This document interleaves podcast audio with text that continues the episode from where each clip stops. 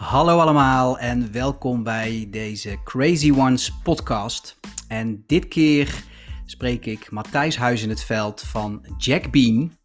En Jack Bean is een 100% plantaardige fast food cuisine. Uh, een uh, bijzonder restaurant waar je uh, alleen maar vegan kan eten. En ik ken Matthijs al heel lang. we zijn ook de oprichters van NL voor elkaar. Uh, dus heel erg tof om uh, Matthijs uh, te spreken. En we gaan het met name hebben over zijn avontuur bij Jack Bean.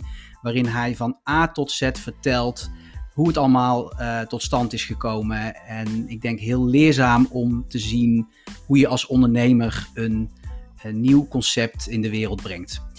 dus daar gaan we het in deel 1 over hebben. En in deel 2 gaan we het met name hebben over de periode met corona. Hoe hij dat doorstaan heeft. Uh, maar voor deel 1 in ieder geval uh, het uh, avontuur van Matthijs en Jack Bean. Dus veel luisterplezier.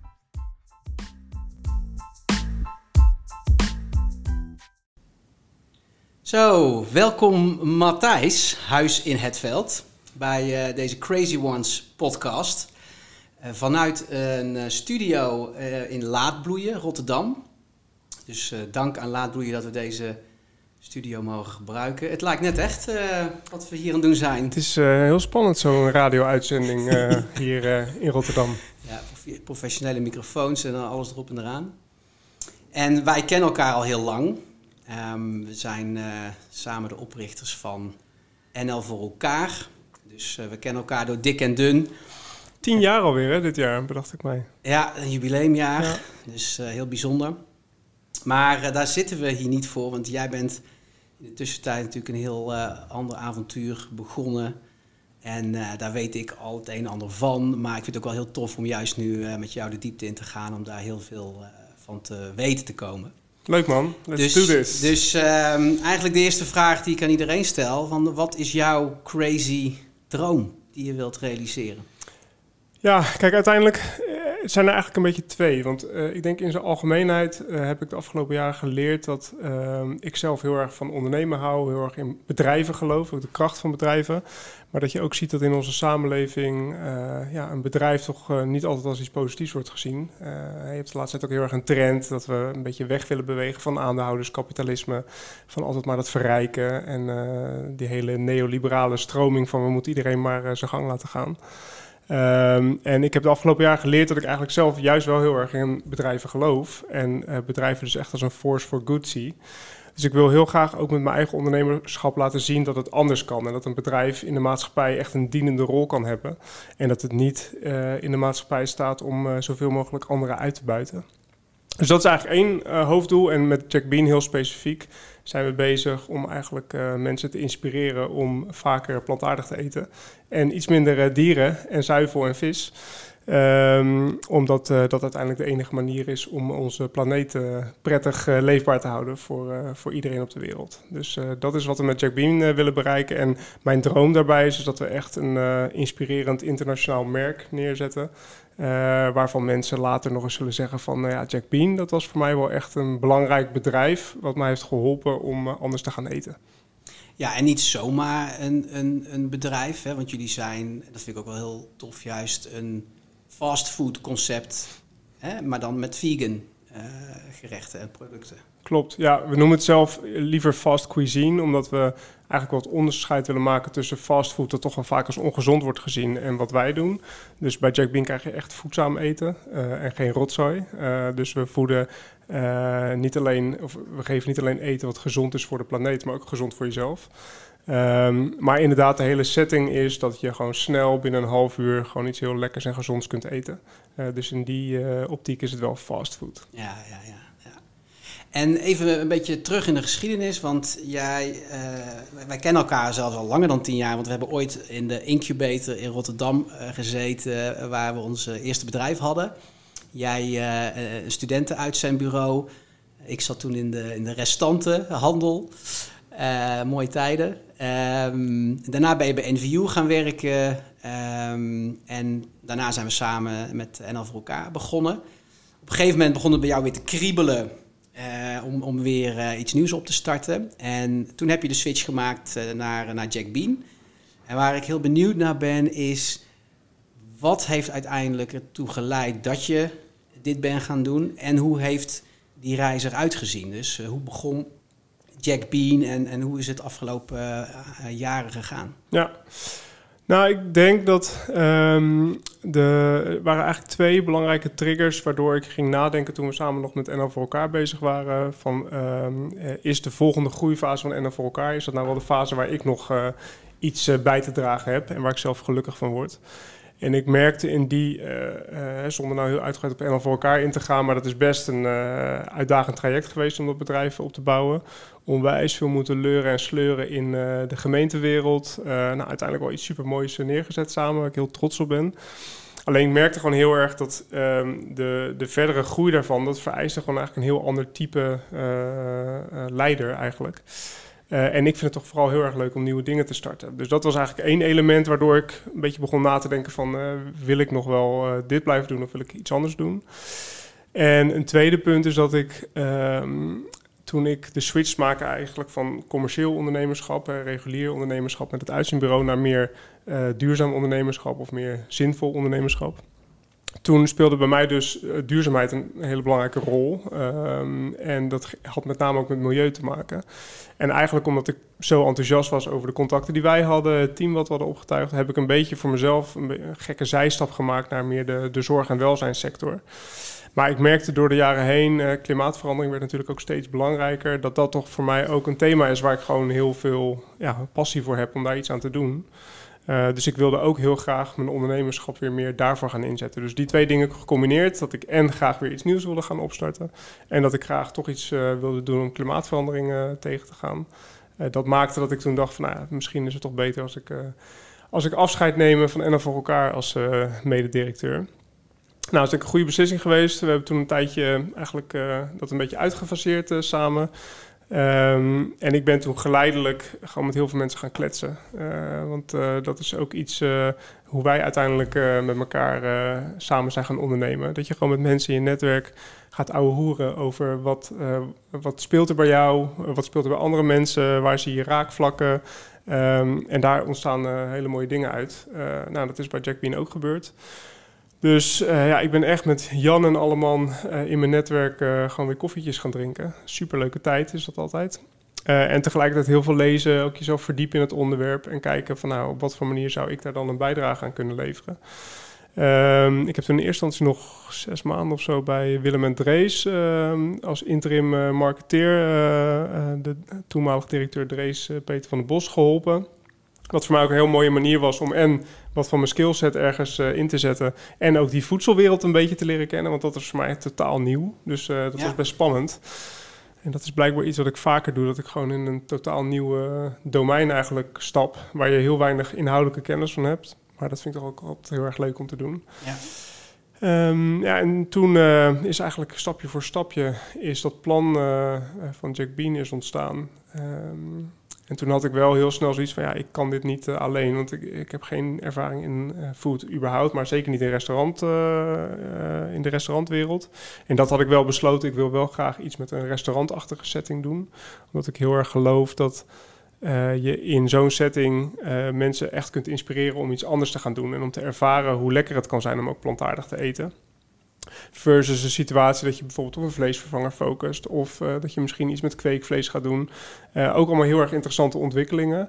Uh, maar dat zat toch veel meer in de onderzoekshoek. Of in een hoek waar ja, de grote partijen zoals Unilever en nou, de merken die iedereen ondertussen wel kent.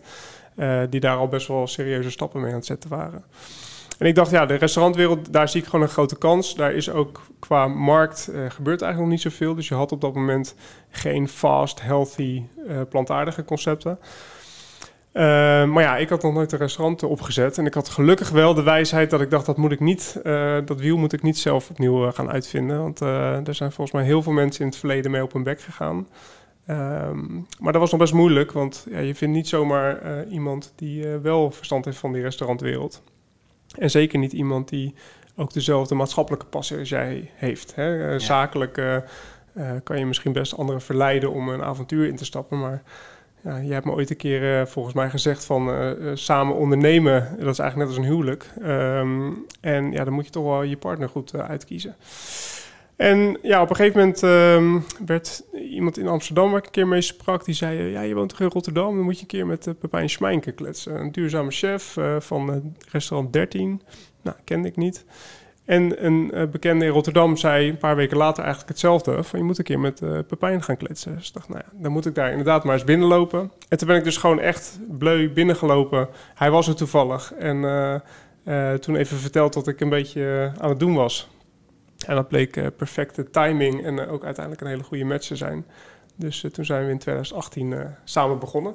Ja, en, en, even nog één stapje terug. Hè? Want ehm, je vertelt dat je in het begin koffietjes bent gaan drinken. En ben je dat op een bepaalde gestructureerde manier gaan doen? Of, heb, of had je zoiets van, joh, ik ga gewoon en ik zie wel? Of zat er nog een bepaald plan achter? Of...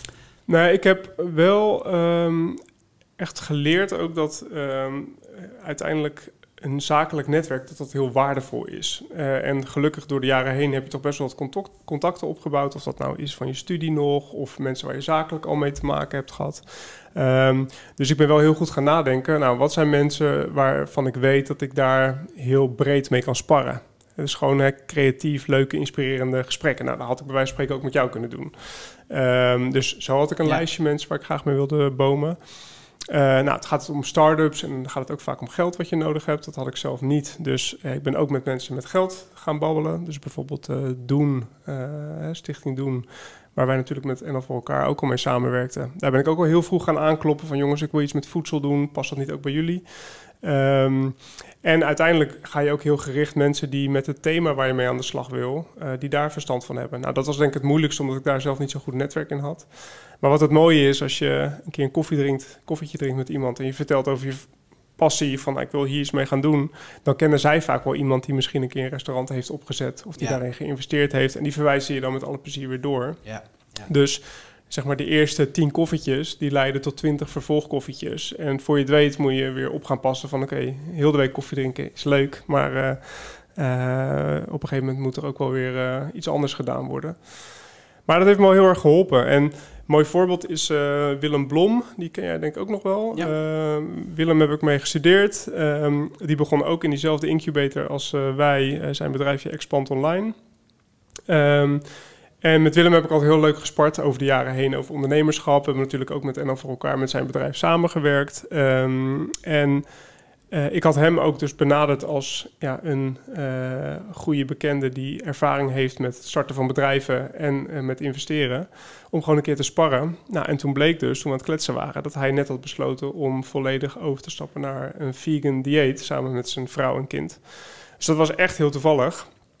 Um, en hij vertelde mij dat een andere oud studievriend van ons, dat hij daar ook heel erg mee bezig was vanuit Zwitserland. Dus zo had ik opeens, echt een beetje toevallig, twee uh, peers die heel erg konden relateren aan mijn drijfveren omdat zij privé heel erg mee bezig waren. En die allebei ook in een goed netwerk zaten. Want uh, uh, Willem die was op dat moment eigenlijk bezig om zijn bedrijf uh, te verkopen. En die wilde gaandeweg meer gaan investeren in vegan startups. Dus die was ook heel erg geïnteresseerd in dat veld. En Robert Boer was de andere, die werkte toen voor UBS. En die was daar met sociaal ondernemerschap eigenlijk bezig. En een grote Zwitserse bank. Uh, en die werkt ondertussen bij Blue Horizon, wat uh, de grootste investeerder zo'n beetje is in die hele plantaardige uh, ja, start-up markt. Um, dus dat was een super waardevol netwerkje, wat me uiteindelijk ook weer bij heel veel andere partijen heeft gebracht. Um, ja. Maar ja, dat is dus iemand die ik al nou, wat is het, 20 jaar ken. Uh, niet eens per se mijn beste vriend of zo, waar ik uh, wekelijks een biertje mee ging drinken. Maar gewoon iemand waarvan je weet van ja, als ik die benader, dan staat hij altijd open om een kopje koffie te drinken. Uh, en zo heb ik eigenlijk stiekem best wel veel mensen door de jaren heen om me heen verzameld. Waar je gewoon altijd welkom bent voor een kopje koffie om een keer te sparren. Zoals zij dat ook bij mij zijn. Hè? Dus ja. die mensen, als die mij bellen, dan zeg ik altijd tuurlijk, ja. gaan we doen. En je weet nooit, dat is niet per se iets heel functioneels, dat je weet dat moet ergens toe leiden of dat moet tot business leiden. Maar het is gewoon omdat je een leuke klik met die mensen hebt en omdat je het leuk vindt om te kletsen met mensen eigenlijk. Ja. En van gedachten te wisselen en daar krijg je veel energie van. En uh, ik vind het zelf ook heel erg leuk om mensen verder te helpen als dat kan. Dus uh, dat delen wij denk ik wel, want dat heb jij volgens mij ook. Ouwe, stel je ouwe hoeren, dat is ja. het. Ja, Ja, maar ik vind dat wel altijd eh, een van de leukste fases van als je een bedrijf opstart, is eigenlijk die, die fase ervoor. Dat je gewoon zelf eh, aan het uitdenken bent, met heel veel mensen aan het kletsen bent en dat, dat het langzaam in je hoofd vorm krijgt, weet je wel. En dat je er steeds enthousiaster over wordt, dat je ook dingen, dat je daar een kruis doorzet van nee, dit dus niet. En dat geeft, vind ik, onwijs veel energie. Uh, en heel toevallig was dat in die periode, periode ook in het voorjaar, net als nu. Dus uh, lekker weer, toen kon je nog gewoon lekker op een terrasje zitten. Dus het was gewoon ook privé, was dat een heel fijne fase met weinig druk. Hè, omdat ik wel even de tijd had om aan dat plan te werken. Veel leuke gesprekken. Um, nou ja, dan kom je op een gegeven moment op het punt dat je weer in de actie moet. En dan wordt het vanzelf weer heel erg druk. Maar um, die fase vind ik altijd heel waardevol. En veel mensen, dat is misschien wel interessant voor de, voor de luisteraars, is dat mensen denken dat je in die fase al heel goed moet weten wat je wil, dat je dat hebt uitgewerkt, et cetera. Um, maar wat is jouw ervaring? Hè? Dus toen jij al die koffertjes ging doen, wat was er toen voor jou al duidelijk en wat dus ook niet? Nou, wat ik uh, eerder volgens mij zei was, uh, ik, en dat is misschien nog goed om te noemen, uh, ik ben op het hele voedselonderwerp gekomen omdat ik um, Cowspiracy, een documentaire, heb gezien. misschien hebben veel luisteraars die ook wel gezien. Het is een wat uh, stevig aangezette documentaire en misschien wat gechargeerd, maar de boodschap is wel duidelijk. Hè, wat de impact dus van vlees en zuivel op het klimaat is. Dus die zag ik en toen zat ik met uh, Gerdien, mijn vriendin, op de bank. En toen dacht ik, uh, shit man, moeten we nou vegan worden? Want zo voelde dat toen. En ik, ik at toen nog wel eens vlees, niet veel, maar ik was er verder helemaal niet mee bezig met vegan worden of zijn. Um, maar dat zette me toen echt aan het denken. Um, en vervolgens had ik een onderzoek gelezen van Babette Porcelein. Dat heette Verborgen Impact. Heb ik jou misschien ook al eens uh, wat over verteld. Maar die laat eigenlijk zien hoe we in Nederland met onze consumptie impact hebben op de planeet. Um, en daar heeft ze een top 10 van gemaakt. En op nummer 1 staan alle spullen die we kopen. Met name elektronica, dus dat heeft heel veel impact. Maar op nummer twee stond vlees. En toen dacht ik bij mezelf: oké, wauw, ik heb dus net bij Cowspiracy gezien dat uh, vlees en zuivel super veel impact uh, heeft.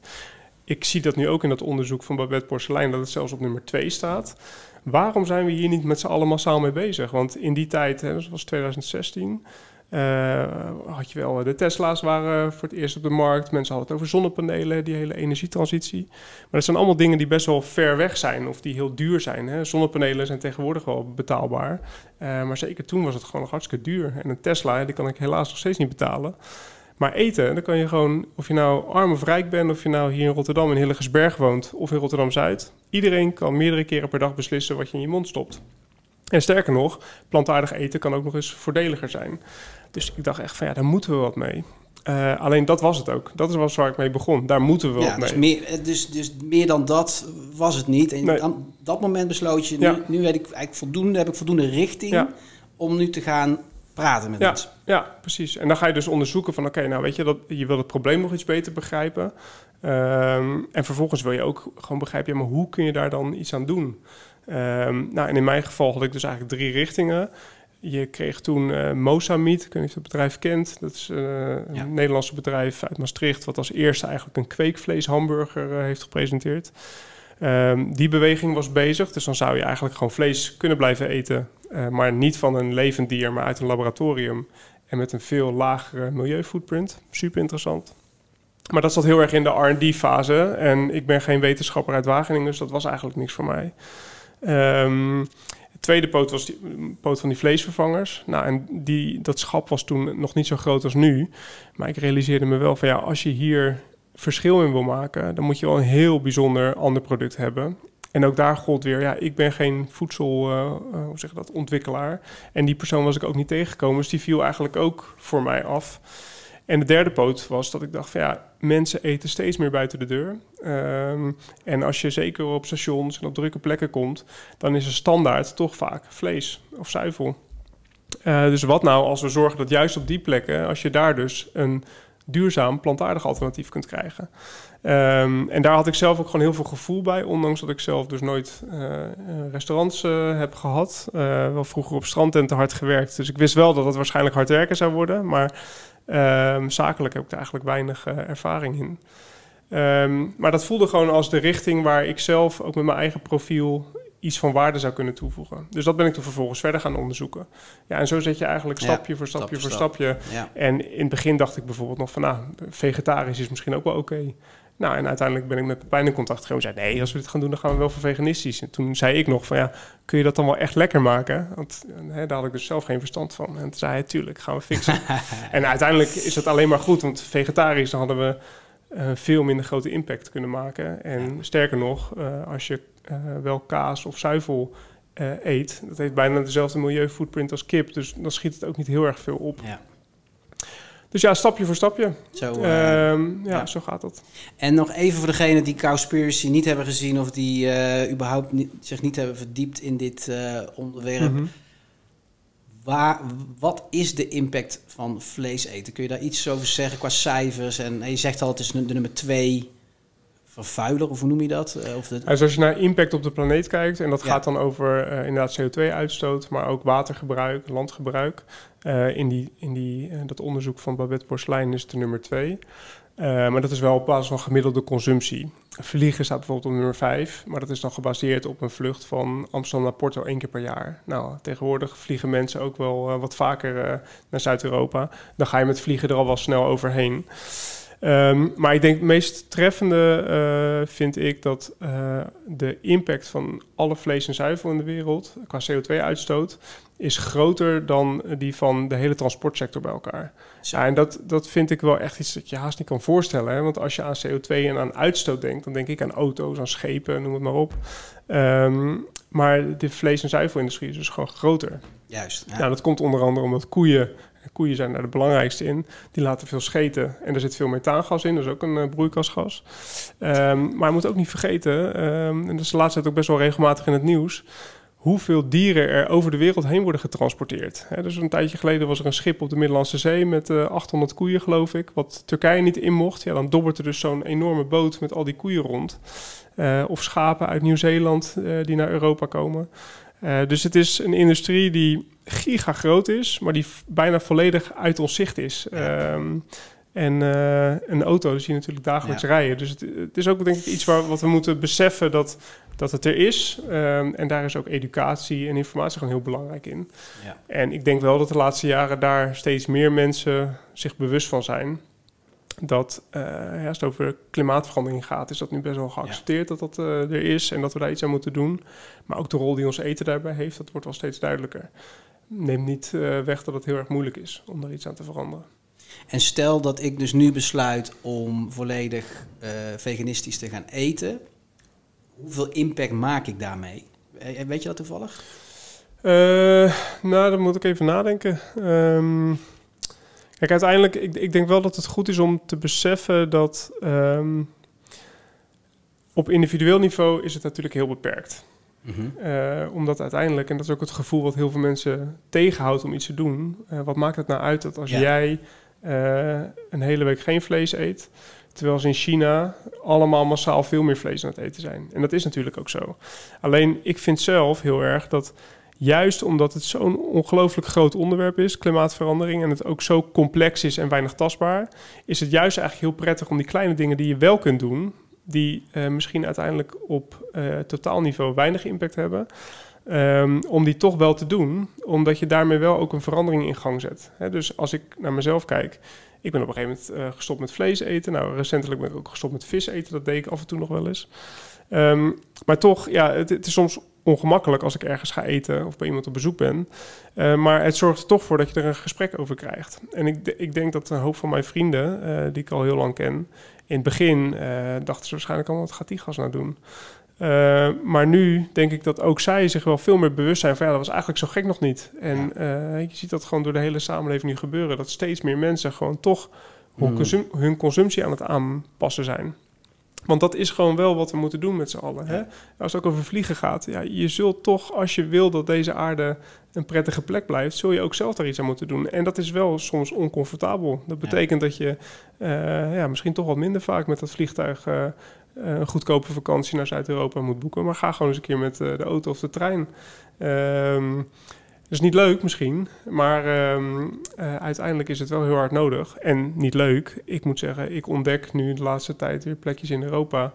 Uh, waarvan ik ook niet wist dat ze zo mooi waren. Dus je hebt onwijs veel moois in de buurt te zien. Um, en ik heb ook wel eens gehoord dat als je als we met z'n allen één dag in de week minder geen vlees zouden eten, dat we de CO2-doelstellingen al zouden behalen. Ik weet niet of dat waar is, maar die, dat vond ik wel een schokkend uh, gegeven. Nou, het, is, het heeft echt, kijk, het heeft onwijs veel impact. En ehm, eh, ik weet even niet precies eh, wat jij nu noemt, of dat klopt. Ehm, maar ja, als je weet dat het 15% van de totale uitstoot is. En we proberen nu ja, die uitstoot naar, richting 2030 uh, een stuk terug te brengen, ja, dan is het duidelijk dat je door minder vlees eten en minder zuivel eten gewoon heel veel verschil gaat dus maken. Er is ook geen ontkomen aan. Er, willen we deze planeet behouden, dan, dan moeten we wel, toch? Ik ja, bedoel... zeker. Nou, en wat, wat ik daar nog het meest treffende, treffende bij vind, als je kijkt naar uh, landgebruik, uh, dus voor onze huidige vleesconsumptie in het Westen, als iedereen op de wereld, dus ook in Azië en in Afrika, als die dezelfde vleesconsumptie en zuivelconsumptie zouden hebben, dan heb je drie planeten nodig. Ja. Dus dat is de meest duidelijke, vind ik. Maar die hebben we gewoon niet. Um, ja, we zijn nu voorzichtig op Mars bezig. Misschien uh, dat er nog uh, een hoop gaat veranderen de komende jaren. Maar ik zie niet voor me dat wij uh, voor 2050 twee nieuwe bewoonbare planeten hebben. Dus het is niet de vraag of we het moeten doen, uh, ons, ons eetgedrag aanpassen, maar het is meer gewoon dat we het zo snel mogelijk moeten doen. Ja. Om de schade zo min mogelijk of ja. zo, zo, ja, zo klein mogelijk te houden. Ja. Want ik denk wel, en dat, dat zie je de laatste jaren ook met al die milieurampen en die bosbranden in Australië, overstromingen. Um, we zien wel echt op allerlei plekken, wel nog ver weg van ons, dat er echt dingen aan de hand zijn. En wat dat betekent is dat naarmate er meer woongebied onleefbaar wordt voor mensen, omdat het te warm is of omdat er te vaak natuurrampen komen, die mensen die gaan ergens anders naartoe. En wij vonden de afgelopen jaren de uh, migrantencrisis best wel een uh, issue. Maar kan je vertellen, als dit doorzet, dan gaan we een gigastroom aan klimaatmigranten krijgen. Uh, en dat gaat voor heel andere soort problemen zorgen. Ehm, en daar wordt Europa echt geen fijnere plek van. Nee. Um, dus ja, het is echt aan ons uh, en het is uh, niet makkelijk, maar we kunnen het wel. Daar ben ik wel van overtuigd. En dat is ook het leuke dat je nu de afgelopen jaren wel ziet. En dat heb ik zelf ook moeten doormaken. Je kan gewoon echt super lekker eten. Uh, zonder dat er vlees of zuivel in hoeft te zitten. Ik weet dat jij ook, toen wij nog met ja. elkaar bezig waren, dat Marjolein vegetarisch ging eten. Ja. En dat was voor jou volgens mij toen ook wel even wennen. Maar, nee, voor mij is, voor mij is natuurlijk deze hele trend al wennen. Want voor de mensen die mij wat minder goed kennen, ik ben uh, opgegroeid zonder groente te eten. tot mijn achttiende volgens mij. Uh, dus dat er nu een wereld aankomt waar groente eten ongeveer 80% is van, van je dagelijkse voeding, dat is voor mij een behoorlijke ommezwaai. Maar je hebt gelijk, ik eet inmiddels heel veel plantaardig en veel minder eh, vlees. En nou, vis heb ik sowieso nooit gegeten, dus dat is, dat is makkelijk. Um, en het is absoluut lekker. Ja. Maar hoe is dat, ben ik wel benieuwd hoe dat voor jou dan is geweest. Hè? Dus hoe, hoe heb jij die stap gezet? Hoe, hoe is dat proces bij jou dan gegaan? Nou, ook wel deels door bijvoorbeeld zo'n Cowspiracy. Hè? Dus ook die, uh, die, die docu's, um, uh, dat heeft allemaal wel uh, impact gemaakt. Dat je je realiseert wat de schaal is daarvan. Want bijvoorbeeld hè, de hoeveelheid water wat nodig is om, om vlees te produceren en de hoeveelheid akkerbouw wat nodig is voor het produceren van het veevoer en noem het maar op. Dus uiteindelijk die informatievoorziening en, en die visualisatie daarvan is volgens mij cruciaal voor de beeldvorming. In ieder geval ook, ook voor mij. En wat dan wel helpt, is als er iemand het voortouw neemt. Hè, dus bij mij inderdaad uh, Marjolein, mijn, mijn vrouw, die dan het voortouw neemt. Dat dan, en dan kan ik erop mee surfen. Uh, en dan mensen zoals jij die natuurlijk vervolgens hiermee aan de slag gaan. Dus het zijn al die dingen bij elkaar opgeteld. en dat het aanbod nu echt goed is. Ik bedoel, ehm, wij eten thuis heel lekker. En een groot deel daarvan is dus veganistisch of, of vegetarisch. Uh, dus uh, wat dat betreft, de, ik, ik heb wel het idee dat er heel veel momentum nu is. Als ik zelfs uh, om ben, dan, dan denk ik dat, dat we echt de goede kant, ja. goede kant op gaan. Ik vind het wel mooi, want volgens mij hebben vrouwen daar een heel belangrijke rol in in onze samenleving op dit moment. Omdat dat is ook wel iets met Jack Bean in het begin wij wilden eigenlijk ook een merk neerzetten wat niet alleen vrouwen aansprak. En, en, dan een beetje flauw gezegd de groene meisjes, weet je wel, die allemaal daar heel erg mee bezig waren. Maar juist ook gewoon een stoere kerel die gewoon zin heeft om lekker te eten. Maar eerlijk is eerlijk, uh, 75% van onze gasten is gewoon vrouw. En is vrouw tussen de 35 en de 45. Maar dat zijn vrouwen die nou, vaak in een relatie zitten, een gezinnetje beginnen te krijgen. En die dus zelf het heel belangrijk vinden om hun gezin gezond te voeden. En daar dus ook steeds meer met plantaardig bezig zijn. En wat je dan ziet is dat bij heel veel mensen thuis is dat best een strijd tussen de vrouw en de man. Want ja, als ik naar mijn ouders kijk, mijn vader, uh, nou misschien met wat moeite zou hij een burgertje van Jack Bean niet willen eten, maar liever niet. hij is flauw, papa. Is flauw. Maar ik ben zo echt een andere generatie. En dat, dat zit ook nog in onze generatie. Dat, dat ja, mensen gewoon heel erg gewend zijn om vlees te eten. En dat het echt voelt alsof er iets van je wordt afgenomen. En dat is natuurlijk geen fijne, hoe zeg je dat? Uh, bodem om te veranderen. Dat je het voelt, dat iemand neemt mij iets af. Hè. Dat zie je ook in de politiek, dat er dan steeds wordt gezegd van ja, mensen moeten toch hun gehaktballetje kunnen blijven eten. Want dat wil je niet, dat dat wordt afgenomen. Maar in een goede relatie ja, uh, zal toch dan, en dat is vaak de vrouw, uh, dat toch een keer proberen en een keer voorzetten. En proef het nou gewoon een keertje. En als je dan heel eerlijk bent en je denkt, nou, het is eigenlijk best wel oké. Okay. Uh, en je weet wat er allemaal speelt in de wereld. Ja, dan zijn dat toch belangrijke momentjes om je gedrag geleidelijk aan te passen. En dan vind ik zelf, weet je, ik, wij proberen met Jack Bean niet om de wereld te veganizen. De, wij willen niet per se dat iedereen vegan wordt. Um, maar we willen wel dat mensen het helemaal oké vinden om veel minder vlees en zuivel te eten. En dan kan het wat mij betreft best prima dat je één keer in de zoveel tijd lekker uit eten gaat en dan geniet van vlees of vis. Um, maar dat dat niet meer de standaard is. Dus we moeten dat gewoon echt omdraaien. Ja. Um, en ja, ja. Dat. En als, je, als we even terug uh, gaan naar um, het moment waarop jij Pepijn ontmoette en liefde op het eerste gezicht en meant to be. Uh, en, en toen, want dan, dan, dan moet het nog beginnen. Hoe, hoe is dat uh, gegaan? Ja. grote lijnen. Goeie, ja, dat was wel echt leuk, dat uh, kan Pepijn beter vertellen. Maar ik liep dus zijn restaurant binnen wat niet open was. En hij was volgens mij tafeltjes aan het herschikken of weet ik wat. En dat restaurant had twee verdiepingen. En boven zat zijn vrouw zat de administratie te doen, Marijke. En uh, ik was daar dus eh, heel enthousiast mijn verhaal aan het vertellen. En wat ik niet wist, was dat Pepijn al langere tijd aan het nadenken was over een volgende stap uh, in zijn ondernemerschap. En hij wilde graag ook iets doen met wat meer impact op iets grotere schaal dan één restaurant. Uh, dus ik liet dat restaurant uit en toen keken blijkbaar dus Pepijn en Marijke elkaar aan van... jongen, jongen, jongen, het is wel bizar dat er nou gewoon iemand binnenkomt lopen... die eigenlijk gewoon precies wil doen wat jij ook wil doen. En die ook nog eens een heel andere achtergrond uh, heeft. Dus wat dat betreft was het wel echt een, uh, in ieder geval een theoretische match made in heaven. Maar je moest elkaar nog wel leren kennen. Hè? Dus ook die analogie van als je gaat trouwen... dan wil je wel eerst eventjes gaan daten verkering en misschien samenwonen voordat je echt het huwelijksbootje ja, instapt. Geen one-night stand. Uh. Nee, precies. Um, dus hoe we dat hebben gedaan is, uh, we zijn gewoon eigenlijk uh, naast onze andere werkzaamheden uh, regelmatig bij elkaar gaan zitten, het plan gaan uitbouwen. Pepijn is heel erg over een menu gaan nadenken.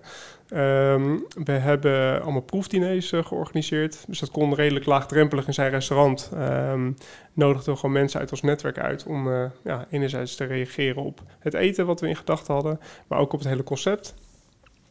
En toen zijn we, moet ik even goed nadenken, volgens mij begin 2018 hebben we toen ook een keer een week hier in Rotterdam in een uh, keuken uh, van de Phoenix Foodhallen. Dat is zo'n verzamelplek waar allemaal restaurantjes zitten. En dan heb je ook een wisselkeuken. Dus hebben een week daar de uh, restaurantje gespeeld. En dat was dus eigenlijk voor ons de eerste grote test om het ook aan publiek wat we niet kenden te presenteren. Nou, dat was allemaal super positief. Um, en ondertussen hadden we eigenlijk ook gewoon een businessplan wat was uitgeschreven. Uh, ik had met Doen, uh, dus de investeerder van NL voor elkaar, uh, had ik ook gesprekken gehad. En zij waren ondertussen gestart met een programma wat zich richtte op de voedseltransitie. Dus eigenlijk zorgen voor een voed duurzamer voedselsysteem. dus dat kwam ook heel mooi samen. En in Rotterdam had ik kennis gemaakt met iFund, een stichting die ook investeert in duurzame ondernemingen. Um, en die twee samen wilden heel graag in Jack Bean investeren. Dus toen hadden we we hadden een goed concept, we hadden lekker eten. We hadden twee investeerders die uh, het geld beschikbaar wilden stellen. En uh, toen kwam er ook nog eens een locatie op ons pad. Uh, vlakbij Rotterdam Centraal, een hele grote locatie. Dat pand zou gesloopt gaan worden, dus dat wisten we al. Maar daardoor konden we voor een heel lage prijs eh, daar eigenlijk het hele concept bewijzen. Om van daaruit dan weer door te groeien. En dat was in juni 2018, dus bijna drie jaar geleden, zijn we daar open gegaan. En ja, toen is het eigenlijk allemaal best wel hard gegaan. Ehm, dus we zijn, ja, de eerste maanden moet je natuurlijk een beetje klandizie opbouwen. Maar toen had je al de eerste signalen dat vegan en weet je wel, andere manier van eten, dat dat wel populair begon te worden. Ehm, en in oktober 2018, toen kwam uh, Hiske Versprillen van de Volkskrant, die kwam bij ons eten. Dat is nogal een mooi verhaal. Um, want uh, dat stuk had in de Volkskrant gestaan en we kregen een 8. En dat is uh, sowieso hoog, uh, maar zeker voor een fastfood tent. Want zij gaat normaal ook vaak eten bij de wat luxe restaurants. Dus daar waren we echt heel blij mee. Maar wat wil nou? Pepijn die ging eigenlijk de dag daarna twee weken naar New York. En wat ik je al eerder vertelde, ik heb geen echte restaurantervaring. En ik had natuurlijk in die eerste maandjes heb ik volle bak meegedraaid, dus ik kon wel wat. Maar uh, dit uh, was niet iets waar ik me helemaal op had voorbereid. Dus het was echt chaos. Dus we hebben toen twee weken lang werden we helemaal platgelopen. Echt, weet je wel, next level qua drukte. Mensen die letterlijk vanuit Amsterdam met een krantje onder hun arm naar Rotterdam waren gekomen om Jack Bean te ervaren. Dus uh, dat was echt een hele heftige week. Twee weken, wel ook echt heel gaaf. Um, maar dat was wel een, een soort uh, eikpunt weer van... oké, weet je wel, we hebben het concept ja. bewezen. Ja. Uh, het wordt gewaardeerd en nu moeten we gewoon doorpakken. Ja. En dat werd eigenlijk steeds meer dus. Hè, waar we, het restaurant werd steeds drukker... Toen werden we gevraagd voor uh, allerlei events en festivals. Dus we in april 2019 hebben we op Digital, uh, groot festival Amsterdam, uh, gestaan. Wat ook voor ons een first one was, weet je. We hebben daar in een weekend een paar duizend burgers staan verkopen. Nou, bizar. Superleuk. Maar doordat we daar hadden gestaan, kwamen er weer allerlei andere festivals. Um, en we gingen ook uh, met de food line-up uh, steeds meer zakelijke evenementen doen. Hè, want ook daar zag je dat steeds meer bedrijven ja, willen toch graag iets duurzaams uh, op hun evenementen. En daar leent Jack Bean zich gewoon super goed voor. Ja.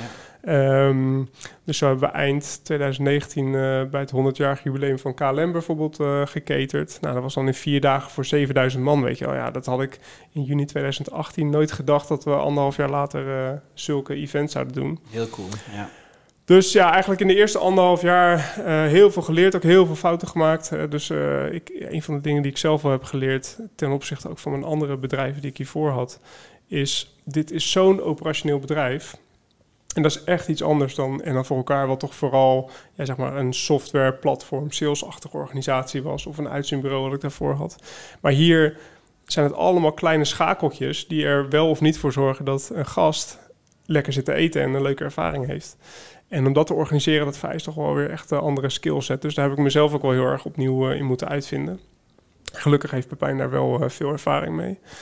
Um, maar um, na anderhalf jaar hadden we wel echt het gevoel van... oké, weet je wel, het concept heeft zich bewezen. Uh, we zijn nu klaar voor een volgende groeistap. Ja. En toen, uh, we hadden met Doen en iFund al de financiën uh, toegezegd gekregen... om van uh, één pilotlocatie te groeien naar drie permanente locaties... met een aparte productiekeuken waar we eigenlijk het grote kookwerk doen. En die stap zijn we eind 2019 gaan inzetten. Dus um, een nieuw restaurant op de Erasmus Universiteit geopend, superleuk... Uh, nieuwe productiekeuken geopend. Um, ons eerste restaurant gesloten en 50 meter verderop uh, een nieuwe locatie geopend. En daar gingen we geloof ik 10 maart open. En toen uh, kwam die ellende van corona op ons af. Dus dat was wel een beetje jammer. Maar, ja. Um... ja, daar ben ik heel benieuwd nog naar. maar dat is natuurlijk wel um, bizar dat dat dan vervolgens gebeurt. Heel eventjes terug van, de, dus je hebt je, je bent begonnen met koffietjes drinken. Uh, toen heb je, had je op een gegeven moment een richting van nou, het moet iets worden met, uh, met, met, met uh, voeding. En vegan kwam, werd het op een gegeven moment. Dan ga je op een gegeven moment met investeerders praten. Maar je, gaat, je komt ook in contact met iemand om het samen mee te doen. veel testen, pilots, een proefrestaurant. Weet je? Dus het is niet van de een op de andere dag een, een concept wat eventjes op papieren gezet wordt uh, en, en klaar is Clara. Maar gewoon dus heel veel doen, experimenteren, et cetera. En uh, toen de pilotlocatie bij Rotterdam Centraal, uitbreiding en vervolgens dus corona. Corona. En, en, daar ben ik wel echt heel benieuwd naar, want ik heb je natuurlijk wel in de tussentijd gesproken, maar het is natuurlijk voor iedereen een bizarre tijd geweest, maar iedereen heeft het altijd over de ellende van de horeca. Dus ik ben heel benieuwd hoe jij de afgelopen jaar hebt beleefd. Dus even door de ogen van de horeca-ondernemer die net uh, lekker op dreef was met, met zijn uh, bedrijf. Hoe, hoe ging dat?